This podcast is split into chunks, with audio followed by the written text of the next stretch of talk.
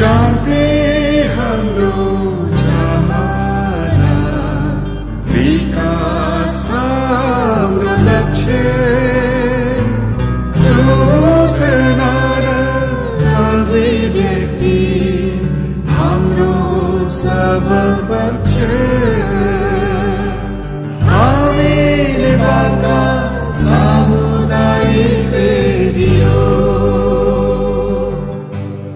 सामाजिक रूपान्तरणका लागि यो हो सामुदायिक सूचना नेटवर्क सीआईएन अहिले बेलुकीको साढे सात बजेको छ। सामुदायिक सूचना नेटवर्क सीआईएनबाट अब प्रसारण हुँदैछ साझा खबर।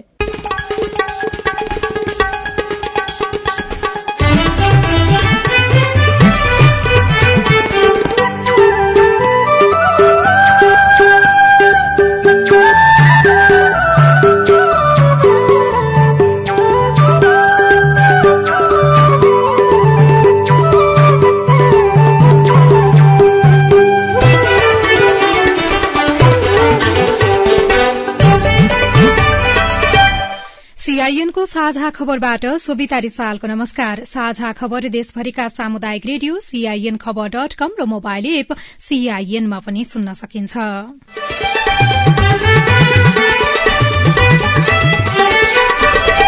मतदान केन्द्रमा क्यामेरा मोबाइल र अन्य वस्तु लान रोक सीमा नाकामा सुरक्षा सतर्कता बढ़ाइयो। स्थिर समयमा आचार संहिता उल्लंघन नगर्न निर्वाचन आयोगको आग्रह।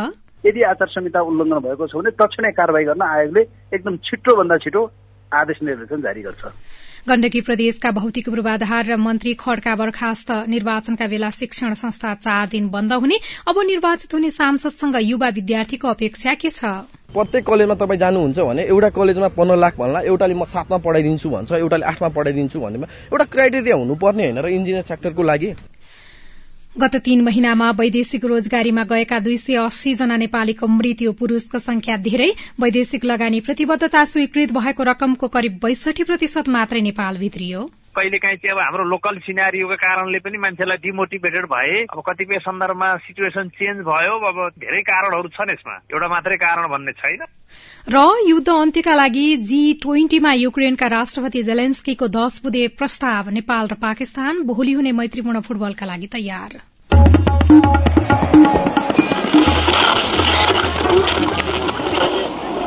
रेडियो। हजारौं रेडियो कर्मी र करोड़ौं नेपालीको माझमा यो हो सामुदायिक सूचना नेटवर्क सीआईएन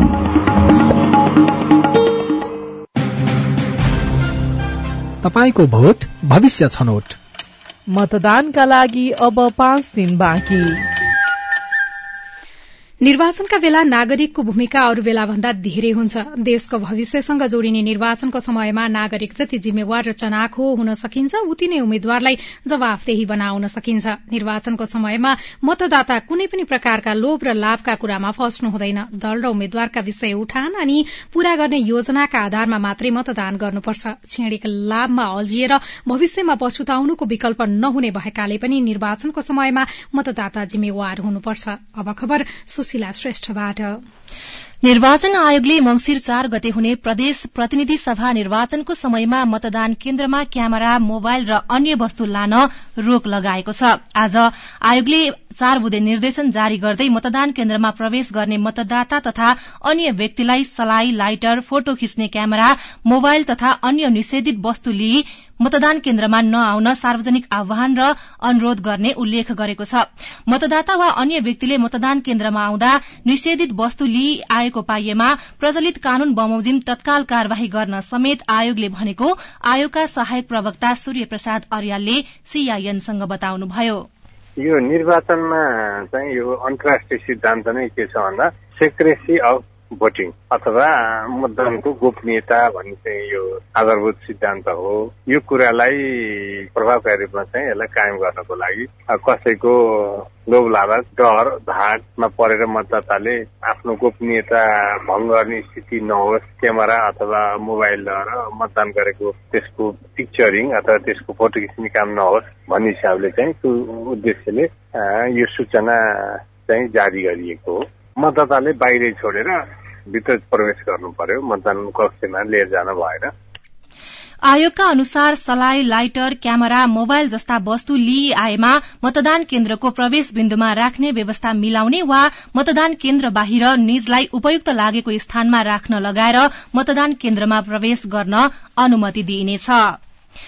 सरकारले निर्वाचनलाई लक्षित गर्दै सीमा सुरक्षा सतर्कता बढ़ाएको छ। निर्वाचन आउँदै गर्दा भारतसँग सीमाना जोडिएका सबै नाकाहरू बन्द गर्ने तथा सीमामा विशेष सुरक्षा योजना लागू गर्ने सरकारले जनाएको छ।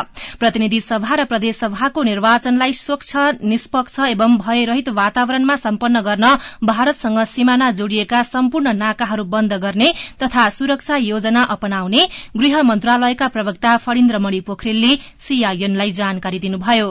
निर्वाचनलाई उच्च प्राथमिकता साथ हामीले काम गरिरहेका छौँ मदिरा खाना बिक्री गर्न बन्द लागू गरेको छ। हात हतियार अठार सय हाराहारी हात हतियार कलेक्सन गरेको छ। निर्वाचनमा आदर्श संहिता पालना गर्ने र स्वस्थ प्रतिस्पर्धा गर्ने भन्ने वातावरण बनाउन सबै हाम्रो मुख्य निर्वाचन अधिकृत निर्वाचन अधिकृत प्रमुख जिल्ला अधिकारी र सुरक्षा निकायलाई ब्रिफिङ भएको छ। कहीँ कतै निर्वाचनलाई बिथोल्ने त्यस्तो कामहरू भयो भने कानून हातमा लिने काम भयो भने उनीहरूलाई कारवाही गर्ने कामहरू पनि भइरहेको छ।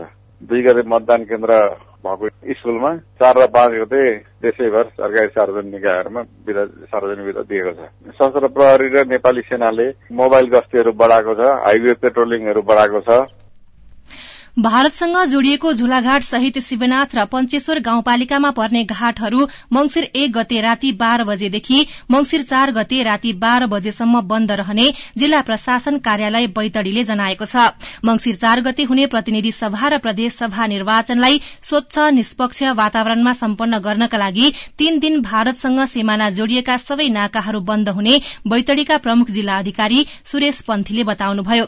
आज एक सूचना जारी गर्दै जिल्ला प्रशासन कार्यालय कार्यालय बैतडीले बहत्तर घण्टाका लागि झुलाघाट र अन्य नाकाहरूमा आवागमन पूर्ण रूपमा बन्द रहने जनाएको छ रेडियो सेभेन स्टार बैतडीले खबर पठाएको छ। गण्डकी प्रदेशका भौतिक पूर्वाधार शहरी विकास तथा यातायात व्यवस्था मन्त्री कुमार खड्का बर्खास्त हुनुभएको छ। पार्टीका उम्मेद्वारलाई असहयोग गरेको आरोपमा मुख्यमन्त्री कृष्ण चन्द्र पोखरेलले आज खड्कालाई बर्खास्त गर्नुभएको हो।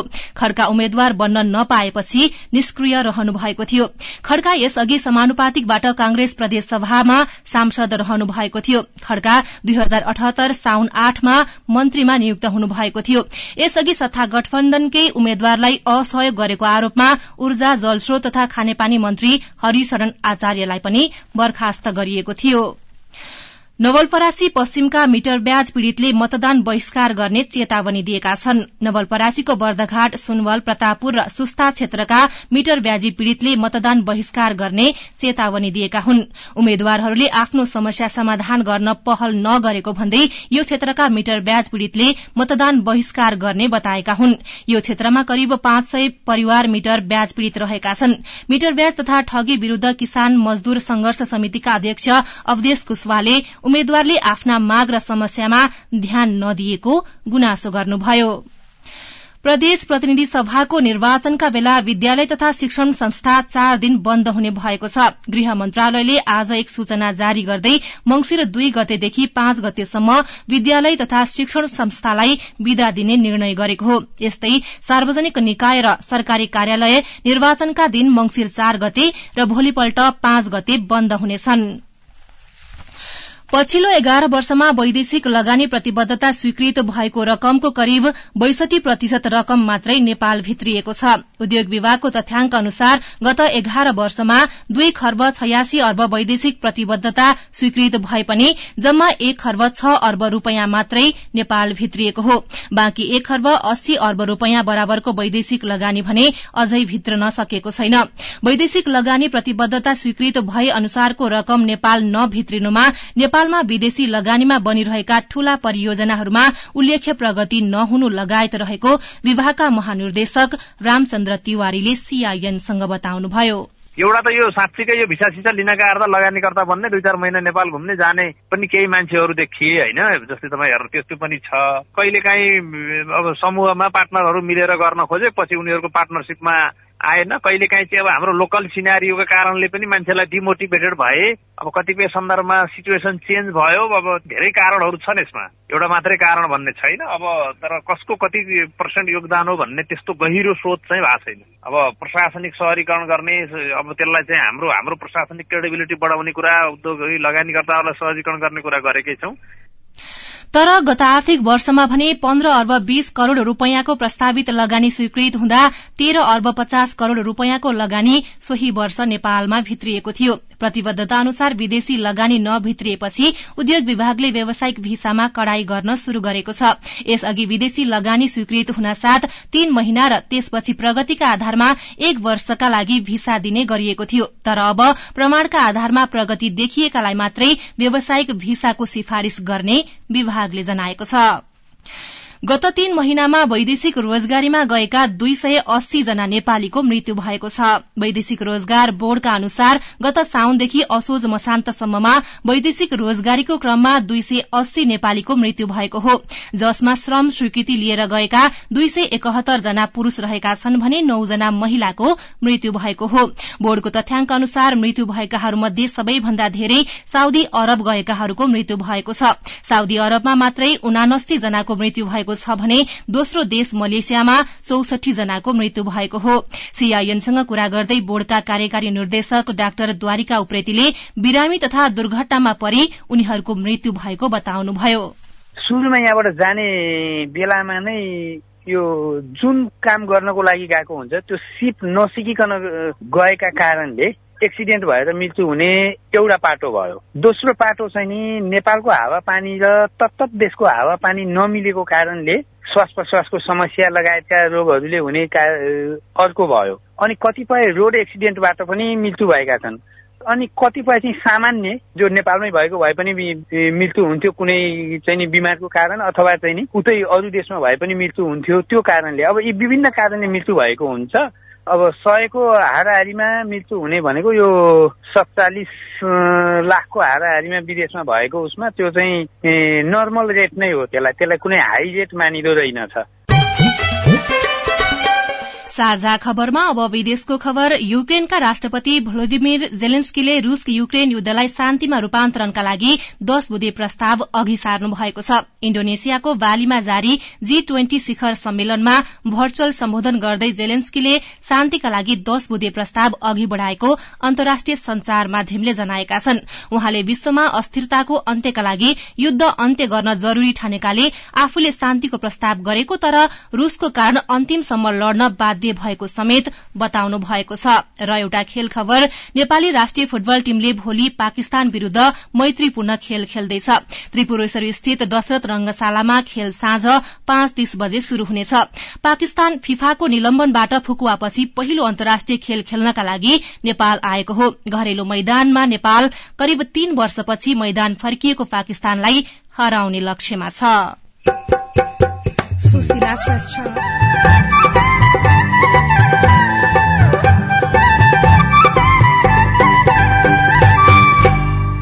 उम्मेद्वारसँग सल्यानका दलित समुदायको अपेक्षा? गाउँमा स्कुल नजिक छैन न बालबच्चाको लागि धेरै नै समस्या छ। जुन टाढा हिँडेर जानुपर्छ बालबच्चाहरू जाँदैनन्। भोट बैंक मात्रै बनाएको गुनासो रिपोर्ट निर्वाचनपछि गुणस्तरीय शिक्षा र रोजगारीको अपेक्षामा युवा विद्यार्थी लगायतका सामग्री बाँकी नै छन् सीआईएनको साझा खबर सुन्दै गर्नुहोला। बीएससी फरेस्टीको प्रवेश परीक्षा सम्बन्धी सूचना। देशको एकमात्र प्राविधिक विश्वविद्यालय कृषि तथा वन विज्ञान विश्वविद्यालय अन्तर्गतका वन विज्ञान संकायतर्फ बीएससी फरेस्टीमा विद्यार्थी भर्ना फारम दुई हजार उनासी साल मक्सिर एघार गते राति बाह्र बजेसम्म अनलाइन भर्न सकिनेछ। साथै प्रवेश परीक्षा दुई हजार उनासी साल मक्सिर सत्र गते बिहान एघार बजे हुनेछ। थप जानकारीको लागि W W W dot A F U dot E D U dot एनपीमा हेर्न सकिनेछ। सम्पर्क फोन नम्बर शून्य सन्ताउन्न पाँच तेइस दुई सय अडचालिस आगामी मंगिर चार गते हुने प्रतिनिधि सभा तथा प्रदेश सभा सदस्य निर्वाचन मार्फत प्रतिनिधि सभा र सातै प्रदेश सभाले निर्वाचित सदस्य प्राप्त गर्नेछन्। मतदाता नामावलीमा नाम दर्ता भई मंगिर तीन गते अठार वर्ष उमेर पुग्ने नेपाली नागरिकले मंगिर चार गते आइतबार बिहान सात बजेदेखि बेलुका पाँच बजेसम्म मतदान गर्न सक्नेछन्। मतदाताले प्रतिनिधि सभाका लागि पहिलो हुने निर्वाचित हुने निर्वाचन प्रणालीतर्फ एक मत र समानुपातिक निर्वाचन प्रणालीतर्फ एक मतका साथै प्रदेश सभाका लागि पनि पहिलो हुने निर्वाचित हुने निर्वाचन प्रणालीतर्फ एक मत र समानुपातिक निर्वाचन प्रणालीतर्फ एक मत गरी छुट्टा छुट्टै चारवटा मतपत्रमा एक एक छाप लगाउनु पर्नेछ निर्वाचनमा मतदान मार्फत आफूले चाहेको प्रतिनिधि छान्न सकिने हुँदा यो महत्वपूर्ण छ। त्यसैले सक्षम इमान्दार र योग्य उम्मेद्वारलाई मतदान गरी मताधिकारको सदुपयोग गरौं। निर्वाचन आयोग नेपाल। सामाजिक रूपान्तरणका लागि यो हो सामुदायिक सूचना नेटवर्क सीआईएन तपाई सामुदायिक सूचना नेटवर्क सीआईएनले तयार पारेको साझा खबर सुन्दै हुनुहुन्छ। त्रिभुवन विश्वविद्यालय परीक्षा नियन्त्रण कार्यालय बल्खुले मानविकी तथा सामाजिक शास्त्र संकाय अन्तर्गत चार वर्षीय स्नातक तह अर्थात बीहे पहिलो वर्ष दुई हजार सतहत्तरको नतिजा सार्वजनिक गरेको छ। परीक्षाको नतिजा कार्यालयको website W W W dot T U exam dot E D U dot एनपीमा गएर हेर्न सकिनेछ। चीनसँग सीमा जोडिएका हिमाली जिल्ला ताप्लेजुङको उत्तरी क्षेत्रको मतदान केन्द्रमा जिम्मेवारी तोकिएका कर्मचारी आज प्रस्थान गरेका छन्। सदरमुकाम फुङलिङदेखि धेरै टाढा रहेको ओलाङचुङगोला याङमा घुन्सा र ग्ल्याबा मतदान केन्द्रमा कर्मचारी प्रस्थान गरेका हुन्। याङमा जिल्लाको सबैभन्दा कम मतदाता रहेको मतदान केन्द्र पनि हो जहाँ तीस महिला सहित साठी जना मात्रै मतदाता रहेका छन्। यस्तै ओलाङचुङगोलामा दुई सय चौरासी घुन्सामा एक सय उनासत्तरी जना र ग्याल्वामा सडसठी जना मतदाता रहेको रेडियो तमोर ताप्लेजुङले खबर पठाएको छ। दलित समुदायहरू अझै पनि विभेद भोग्न बाध्य छन्। चुनाव आउँदा र मत माग्दा विभेद अन्त्य गर्ने र समानतामूलक समाज निर्माण गर्ने नारा लिएका उम्मेद्वारहरू जितेपछि हाल खबर सोध्न समेत बस्तीमा फर्कँदैनन्। सल्यानका दलित समुदाय यसपटक पनि आफूलाई भोटको संख्या बढ़ाउने माध्यम मात्रै नबनाउन अनुरोध गर्छन्। उम्मेद्वार मात्र होइन मतदाता पनि मंगिर चारको पर्खाईमा रहेका छन्। भोट हाल्न तयार भएर बसेका सल्यानका दलित समुदाय उम्मेद्वारहरूसँग जनजीविकाका सवालमा ग्यारेन्टी माग गरिरहेका छन् भने विभेद अन्त्यको प्रतिबद्धता खोजिरहेका छन्। सिद्धकुमा गाउँपालिका दुई टाकुराका अम्बर बहादुर दमाई। तालिमको तालिम आउँछ। अनि खाना पुग्ने कुरा हामी दिन्छौँ भन्ने कुरा अब पहिला नेताहरूले पनि भन्नुभयो। अहिले खै अब तिमी हेर्नु गयो भने त अब आऊ तालिम पनि अन्त जान्छ। अब अहिलेसम्म अब हाम्रो यहाँ तालिमै आएको छैन। हामी के गर्छौँ? दलित समुदाय अझै पनि शिक्षाको पहुँचबाट पछाडि रहेका छन्। स्वास्थ्य र रोजगारी र हरेक निकायमा हुने प्रतिनिधित्वको पहुँचमा पनि अझै पुग्न नसकेको गुनासो उनीहरूको छ। त्यसका लागि सरकारले नीतिमा नै सकारात्मक विभेदको व्यवस्था गर्नुपर्ने र जनप्रतिनिधिले आवाज उठाइदिनुपर्ने उनीहरूको भनाइरहेको छ। सिद्धकुमार दुईका एम कुमारी परियार। गाउँमा स्कुल नजिक छैन बाल बच्चाको लागि धेरै नै समस्या छ जुन टाढा हिँडेर जानुपर्छ। बालबच्चाहरू जाँदैनन्। नेताहरूले जुन तिमीहरूले भोट हालेर हामीलाई जिताऊ हामी लगतै स्कुल ल्याइदिनेछौ भनेर भन्नुभएको थियो त्यो पनि पूरा भएको छैन कपडा सिलाइ गरे बापत ज्यालामा रुपियाँ नदिएर अन्न बाली लिने चलन सल्यानमा अझै पनि कायम रहेको छ। यसले सामाजिक विभेद गरेको तथा श्रम शोषण भएको भन्दै यस्तो चलन हटाउनु पर्ने माग दलित समुदायको छ। त्यसको लागि आय आर्जनको अन्य बाटो बनाउन सहयोग गर्नुपर्ने तथा श्रमको सम्मान हुने गरी व्यवस्था गरिदिन सांसदहरूले भूमिका खेल्नुपर्ने स्थानीय इन्द्रा परियार बताउनुहुन्छ। कुनै गाँस बाँस कमास नपाएकालाई पनि त्यो मिलोस्। कुनै नारीहरूले कुनै आफ्नो समस्या कहाँसम्म पुर्याउँदा हुन्छ कहाँसम्म दुःख पाएका छन् कुनै आफ्नो समस्या हल गर्न पाउन्। सिपो मूलक कामहरू हामी कुनै बेरोजगार भएर बसेका हुन्छन् तिनीहरूलाई पनि केही रोजगार आओस्। संविधानले कुनै पनि नाममा हुने विभेद अन्त्यको प्रत्याभूति गराएको छ भने छुवाछुत विरूद्धको कानून पनि छ। तर नागरिक स्तरमा चेतना नहुँदा यसको कार्यान्वयनमा समस्या छ। दलित समुदायमा पुगेर उम्मेद्वारहरू संविधान र कानून कार्यान्वयन तथा विभेद विरूद्ध हातेमालो गर्ने प्रतिबद्धता जनाइरहेका छन्। Pratik Ichchhuk Sharma CIN radio Sharada Salyan. म दृष्टिबिन धादिङ जिल्ला गल्फी गाउँपालिकाबाट पूर्ण दृष्टिबिनहरूलाई यो रातो कार्डको व्यवस्था गर्ने भन्ने सरकारले घोषणा गरेको थियो। हाम्रो गल्फी गाउँपालिका वार्ड नम्बर तिन अपाङ्ग महिला बाल बालिका शाखाले चाहिँ त्यो कार्यान्वयन गर्न खोजेको छैन। यस विषयमा के कसो गर्ने हजुरहरूले पहल गरिदिनु आभारी हुने थियौँ तपाईँको गुनासो हामीले गल्छी गाउँपालिकाका अध्यक्ष केदारनाथ खतिवड़ालाई सोधेका छौं। त्यसो भने अब भोलि निर्वाचनमा खटिसकेका छन् कर्मचारीहरू होइन? अब चुनावको भोलिपल्टै म त्यो हेरेर त्यस्तो भने आउँछु। त्यो त सरकारले तोकेको डल्लै अवसर कि। नमस्कार मेरो नाम बोधराज दुलाल हो म हेटौँडाबाट। नेपाल सरकारले दिने सार्वजनिक विधाहरू औद्योगिक क्षेत्रभित्र रहेका उद्योग प्रतिष्ठानहरूमा लागू हुन्छ कि हुँदैन? हुन्छ भने कहिले पनि उद्योग प्रतिष्ठानहरूमा दिँदैनन्। त्यसै हुनाले मतदान गर्ने दिन पनि दिएको सार्वजनिक विधा पनि उद्योग प्रतिष्ठानहरूमा दिँदैनन्। बोधलालजी तपाईँको गुनासो सुनिसकेपछि हामीले सरकारका तर्फबाट विदा जारी गर्ने गृह मन्त्रालयसँग के छ व्यवस्था भनेर बुझेका थियौं। गृह मन्त्रालयका प्रवक्ता फणिन्द्र मणि पोखरेलका अनुसार सरकारले सरकारी निकाय र सार्वजनिक संस्थानका लागि लागू हुने गरी विदा दिने गरेको छ। निजी उद्योगहरूले विदाको आफ्नै मापदण्ड तयार गर्न सक्छ तर मतदानको अधिकार नखोसिने गरी उद्योगीहरूले विदा सहजीकरण गर्नुपर्ने उहाँको भनाइ छ। नेपालको कानूनले चाहिँ उद्योगमा काम गर्ने कामदारहरूको विदाको सन्दर्भमा के भन्छ? हामीले अधिवक्ता नमराज खनाललाई सोधेका छौं। ठ्याक्कै त्यस्तो कानुन प्रष्ट त छैन होइन। प्राइभेट सेक्टरको हकमा प्राइभेट सेक्टरले नै बनाउने विनियमहरू जुन हुन्छ त्यही विनियमहरू नै लागू हुने हो होइन। कर्मचारी प्रशासनसँग कर्मचारी सेवाको शर्त सम्बन्धी कानुन अब भएन भने उनीहरूको कन्ट्राक्ट पेपरमा जे लेखिया छ त्यही नै हुने हो होइन? तर यो चाहिँ अब एउटा नेसनल फेस्टिभलको रूपमा यसलाई हेर्दाखेरि त्यो चाहिँ अब म्यान्डेटोरी लिगल भन्दा पनि यो मोरल क्वेसन जस्तो हो कि प्राइभेट सेक्टरको भरमा पनि। अब यसमा चाहिँ प्राइभेट सेक्टर रिलोक्ट्यान्ट किन हुने भन्ने ढङ्गले अलिकति प्राइभेट सेक्टरकै जस्तो यो एफएनसिसिआई भन्ने जस्तो संस्थाहरूसँग पनि गफर खोज्यो भने पनि बेटरै होला। नत्र ट्याक्कै कानुनमा चाहिँ अब यो विषय लेखिएको नहुँदाखेरि अलिक गाह्रै होला। तपाईँ जुनसुकै बेला हाम्रो टेलिफोन नम्बर शून्य एक बान्न साठी छ चार छमा फोन गरेर आफ्नो प्रश्न विचार गुनासो तथा प्रतिक्रिया रेकर्ड गर्न सक्नुहुन्छ। तपाई सामुदायिक सूचना नेटवर्क सीआईएनले काठमाण्डुमा तयार पारेको साझा खबर सुन्दै हुनुहुन्छ। साझा खबर मोबाइल एप नेपाली पात्रबाट पनि सुनिरहनु भएको छ। निर्वाचनपछि गुणस्तरीय शिक्षा र रोजगारीको अपेक्षामा युवा विद्यार्थी। हाम्रो देशमा राजनीतिक स्थायित्व चाहिएको हो होइन? संस्थागत सुशासनको कायम गर्नु पर्यो पढ्दैछौँ पढ्दा पढ्दै देशको अर्थतन्त्रको बारेमा डर लागिरहेको हुन्छ क्या? हामी यस्तो अवस्थामा गुज्रिरहेका छौँ भन्ने कुराहरू। तर शिक्षा र रोजगारीमा प्रमुख दलका एजेण्डा प्रष्ट नभएको गुनासो रिपोर्ट। निर्वाचन आचार संहिता पालना र आयोगको कड़ाई एकजना आयुक्तसँगको कुराकानी लगायत निर्वाचन विशेष सामग्री बाँकी नै छ। सीआईएनको साझा खबर सुन्दै गर्नुहोला। अब म हाम्रो आदर्श टोल सुधार समितिको बैठकमा राजनीतिमा महिलाको अर्थपूर्ण सहभागिताका बारेमा छलफलका लागि जुनेली मिसलाई अनुरोध गर्दछु। धन्यवाद।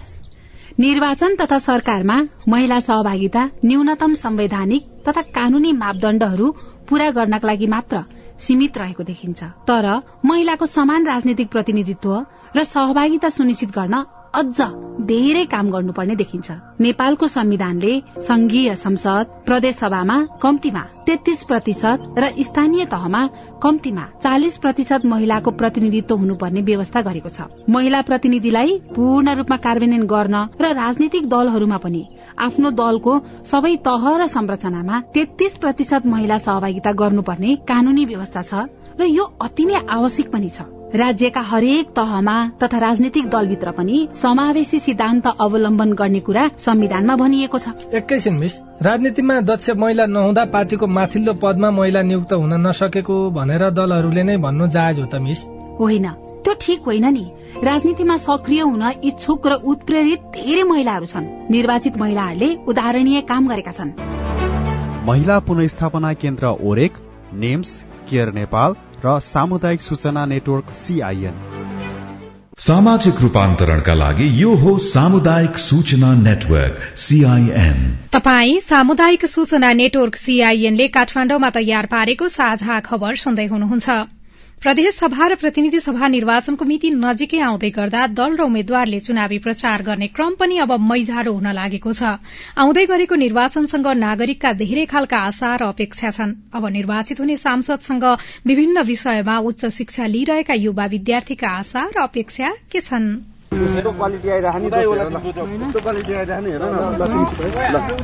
त्रिभुवन विश्वविद्यालय किर्तिपुरको परिसरमा इन्जिनियरिङका विद्यार्थीहरू प्रयोगात्मक अभ्यास गरिरहेका छन्। शुल्क महँगो लिए पनि कलेजसँग प्रयोगात्मक अभ्यास गर्ने पर्याप्त खुल्ला क्षेत्र नहुँदा बल्ल तल्ल अभ्यासको समय मिलाएर विद्यार्थी किर्तिपुर पुगेका हुन्। देश विकासको आधारभूत शर्तका रूपमा रहेको शिक्षा बदलिदो समयलाई सम्बोधन गर्ने खालको र गुणस्तरीय होस् भन्ने विद्यार्थीको चाहना छ। विद्यार्थी भट्ट। एउटा रोड बनाउँछु भनेर मात्रै पुग्दैन होला नि। शैक्षिक संस्थाहरू कसरी चलिराखेका छन्? शैक्षिक संस्था शैक्षिक संस्थामा आधारित भएर बसेका छन् कि छैनन्? उनीहरूले व्यापार पो गरिराखेका छन् भने त्यो पोइन्टलाई त उनीहरूले हेरिदिनु पर्ने हो नि। प्रत्येक कलेजमा तपाईँ जानुहुन्छ भने एउटा कलेजमा पन्ध्र लाख भन्ला एउटाले म सातमा पढाइदिन्छु भन्छ एउटाले आठमा पढाइदिन्छु भनेमा एउटा क्राइटेरिया हुनुपर्ने होइन र इन्जिनियर सेक्टरको लागि। देशकै सबैभन्दा ठूलो र जेठो विश्वविद्यालयमा हजारौं विद्यार्थी अध्ययनरत छन्। उच्च शिक्षा लिएका दक्ष र बौद्धिक जनशक्तिलाई राज्यले नीति निर्माणका क्षेत्रमा काम गर्ने अवसर देओस् भन्ने विद्यार्थीको चाहना छ। वनस्पति शास्त्र केन्द्रीय विभागका विद्यार्थी दाङका सुदन भण्डारी। नेताहरूले अथवा एउटा पोस्टमा बसिसकेको मान्छेले चाहिँ के गर्न सक्छ त भन्दाखेरि तिनी नीति र नियमहरूलाई नियमसँग ढंगले चाहिँ पालना गर्ने वातावरण बनाइदिएमा चाहिँ समग्र रूपमा यसप्रति चाहिँ विद्यार्थीको आकर्षण चाहिँ झनै बढ्ने। लोकसेवा आयोगले लिने परीक्षाको तयारी गरिरहनुभएका जाजरकोटका निरज कुमार पुन नेपालको शिक्षा प्रणाली नै परिवर्तन गर्दै व्यावहारिक शिक्षा लागू गरोस् भन्ने चाहनुहुन्छ। स्वदेशमै त्यो शिक्षाको चाहिँ सदुपयोग हुने व्यवस्था त नीति राज्यका चाहिँ प्रशासकहरूले अथवा राजनीतिज्ञहरूले चाहिँ त्यो नीति तयार गर्न सकिराखेका छैनन्। त्यो पहिलो कुरा त्यही नै हो। अब बन्ने सरकारले राज्य र व्यक्तिको वर्षौंको लगानीपछि तयार भएको जनशक्तिलाई देशमै योगदान गर्ने अवसर सिर्जना गर्न सक्नुपर्छ। अबको सरकारले स्वदेशमै रोजगारी सिर्जना हुने गरी नीति बनाओस् भन्ने चाहनुहुन्छ सल्यानका मीना आचार्य र दिनेश आरसी। पालिकाहरूमा चाहिँ एक गाउँ एउटा प्राविधिक हुनुपर्छ। त्यो ल्याइदिए राम्रो हुन्थ्यो हामी कृषि प्राविधिकहरूलाई। हामी कृषि पढेर चाहिँ घरमै त्यसै थन्किरहँ होइन रोजगारी युक्त हुन्थ्यौँ जस्तो लाग्छ। गलत प्रकारका व्यक्तिहरू राजनीतिमा आए अब हामी चाहिँ नि राम्रा मान्छेहरू पछाडि पर्ने भयौँ भनेर राम्रा मान्छेहरू बाहिर जान्छन् भन्ने ब्रेन ड्रेन छ। रोकियोस् राम्रा चाहिँ नि मान्छेहरूलाई पनि नेपालमा चाहिँ नि रोजगारीको सिर्जना राइट म्यान राइट प्लेस भन्छ नि। देश विकासका लागि सुशासन अपरिहार्य शर्त हो। बझाङका राजेन्द्र बजाल अबको नेतृत्वले देशमा मौलाउँदै गएको भ्रष्टाचार निमिट्यान्न पारोस् भन्ने चाहनुहुन्छ। हाम्रो देशमा राजनीतिक स्थायित्व चाहिएको हो होइन? संस्थागत सुशासनको कायम गर्नु पर्यो पढ्दैछौँ पढ्दा पढ्दै देशको अर्थतन्त्रको बारेमा डर लागिरहेको हुन्छ क्या हामी यस्तो अवस्थामा गुज्रिरहेका छौँ भन्ने कुराहरू। यो कुरा नै सबभन्दा ठूलो कुरा हो। त्रिभुवन विश्वविद्यालयका विभिन्न विभागमा अध्ययनरत विद्यार्थी देशकै बौद्धिक सम्पत्ति मध्येका हुन्। तर राज्यले उनीहरूको सिप र दक्षताको पूर्ण उपभोग गर्न सकेको छैन जसका कारण प्रतिभा पलायन बढ़दो छ। अब बन्ने सरकारले राज्यलाई महत्वपूर्ण योगदान गर्न तम तयार यी विद्यार्थीलाई देशमै अवसर सिर्जना गर्न सक्नुपर्छ। युवा विद्यार्थी गुणस्तरीय शिक्षा र रोजगारी चाहन्छन्। त्यसका लागि योग्य उम्मेद्वार निर्वाचित भएर संसद र सरकारमा पुग्नु जरूरी छ। त्यसमा मतदाताकै भूमिका महत्वपूर्ण हुन्छ। तर त्यसअघि उम्मेद्वारलाई अनुशासनमा राख्न निर्वाचन आचार संहिता लागू भएको छ। आचार संहिताको प्रभावकारिता कति छ? साथी राजन रुचालले निर्वाचन आयुक्त रामप्रसाद भण्डारीलाई सोध्नु भएको छ। यसलाई अब दुई तरिकाले हेर्नुपर्छ यहाँहरूले। एउटा कुरो चाहिँ के भने सुरुदेखि नै हामीले यस पटकको आचार संहिता असाध्यै कडाईका साथ परिपालन गराउँछौ भनेर दलहरूको बीचमा सहमति गरेर हामीले घोषणै गर्यौँ शिक्षाप्रद कार्यक्रम चाहिँ बढी नै सञ्चालन भएको हुनाले पनि होला अलिकति कम सुन्नु भएको स्वाभाविक रूपमा हो। र अर्को के हो भनेदेखि आचार संहिता उल्लङ्घनका घटनाहरू जहाँ हुन्छ तत्क्षणै कारवाही गर्ने हामीले अहिले सबै निर्वाचन अधिकृतहरूलाई मुख्य निर्वाचन अधिकृतहरूलाई अधिकार प्रत्यायोजन गरेका छौँ र स्थानीय स्तरमा प्रमुख जिल्ला अधिकारीहरू अझ सक्रियसँग लाग्नु भएको छ। त्यसो भएको हुनाले सुरुदेखि नै अलिक सचेत भएको हुनाले यहाँले आचार संहिताको उल्लङ्घनको घटना अलिक कम सुन्नु भएको हुन सक्छ। जति जति दिन नजिकिन्छ त्यति त्यति आचार संहिता उल्लङ्घनका घटनाहरू चाहिँ वृद्धि हुन्छ। विगतको अभ्यासले पनि त्यो देखाउँछ। त्यसो नहोस् भन्नको लागि चाहिँ निर्वाचन आयोग कति सचेत छ कसरी काम गरिराखेको छ? निर्वाचन मतदानको क्रम सुरु हुनुभन्दा अठचालिस घण्टा अगाडि चाहिँ अझ स्थिर समय भनेर हामीले मानेका छौँ। यस अगाडि मौन अवधि भनिन्थ्यो अहिले स्थिर भनिएको छ। हो यसलाई स्थिर अवधि किनभने मौन अवधि भन्ने भाषान्तर भएको रहेछ। कानुनले त्यो शब्द प्रयोग नगरेको हुनाले हामीले स्थिर समय भनेर मान्यौँ। र यो स्थिर समयमा अलिकति बढी नै चलखेल हुन्छ भनेर हामीलाई विभिन्न कोडबाट क्रिया प्रतिक्रियाहरू आएका छन्। त्यसो भएको हुनाले त्यो विषयलाई सम्बोधन गर्न हाम्रा सबै यो निर्वाचनसँग सम्बद्ध कर्मचारीहरू प्रहरी प्रशासन र स्थानीय प्रशासन असाध्य सचेत ढङ्गले लाग्नु भएको छ। त्यसो भए हुनाले अहिले जसरी यसो आचार संहिता उल्लङ्घनको घटना कम सुनिएको छ भनेर भनिरहनु भएको छ अझ यो बेला चाहिँ आचार संहिता उल्लङ्घन भएकै छैन भनेर सुन्न पाउनुहुन्छ कि भन्ने आयोले आश्चर्य अहिले तपाईँ र म कुराकानी गर्दै गर्दाखेरि देशभरिका तीन सय पचास भन्दा बढी रेडियोबाट प्रसारण पनि भइराखेको छ। त्यसो हुनाले सबै मान्छेहरू सजग हुने कुरा आचार संहिता उल्लङ्घन होला कि यो स्थिर अवधिमा भनेर उहाँहरूले चाहिँ कहाँ गएर त्यो कुरा भन्ने यदि उहाँहरूले थाहा पाउनु भयो भने त्यो कुरामा चाहिँ आयोगले के तपाईँहरू सुझाव दिन चाहनुहुन्छ? आचार संहिताको उल्लङ्घनको घटना तपाईँले नजिकको प्रहरी प्रशासनमा स्थानीय प्रशासनमा अथवा कुनै पनि सञ्चारको माध्यमद्वारा आयोगलाई सामान्य सूचना मात्रै दिनुभयो भने नै काफी हुन्छ र त्यसैबाट यदि आचार संहिता उल्लङ्घन भएको छ भने तक्षणै कारवाही गर्न आयोगले एकदम छिटो भन्दा छिटो आदेश निर्देशन जारी गर्छ। त्यो कारवाही भनेको चाहिँ के के हुन्छ? आचार संहिता उल्लङ्घनको प्रकृति हेर्नुपर्छ। अब कुन प्रकृतिको आचार संहिता उल्लङ्घन भएको हो सोही बमोजिम कारवाही हुन्छ। जस्तो कि यो स्थिर अवधिको समयमा चाहिँ प्रचार प्रसार नै गर्न पाइएन तर गाउँ गाउँमा त उम्मेद्वारहरू र उनीहरूका मान्छेहरूले प्रचार प्रसार गरिराखेका हुन्छन् भित्रभित्रै। त्यस्तो कुरामा मतदाता सचेत हुनु पर्यो होइन तपाईँको यदि त्यस्तोमा प्रचार प्रसार गरेको छ र आचार संहिता उल्लङ्घन भएको छ भने राजनीतिक दलका उम्मेद्वारहरू अथवा स्वतन्त्र उम्मेद्वारहरू यदि त्यो पुष्टि भयो भनेदेखि उहाँको उम्मेदवारी नै धरापमा पर्न पनि सक्छ। निर्वाचन सम्पन्न भइसकेपछि नि धराप्नु पर्छ। त्यसो भएको हुनाले एकदम पूर्ण रूपमा सचेत ढङ्गले उहाँहरूले आचार संहिता पूर्ण रूपमा परिपालन गर्नुहुन्छ भन्ने सन्दर्भमा आयोग एकदम ढुक्क र विश्वस्त छ। मतदान केन्द्रमा क्यामेरा मोबाइल र अन्य वस्तु लान रोक लगाइएको छ। सीमानाकामा सुरक्षा सतर्कता बढ़ाइएको छ। स्थिर समयमा आचार संहिता उल्लंघन नगर्न निर्वाचन आयोगले आग्रह गरेको छ। गण्डकी प्रदेशका भौतिक पूर्वाधार मन्त्री खड्का बर्खास्तमा पर्नु भएको छ। निर्वाचनको बेला शिक्षण संस्था चार दिन बन्द हुने भएको छ।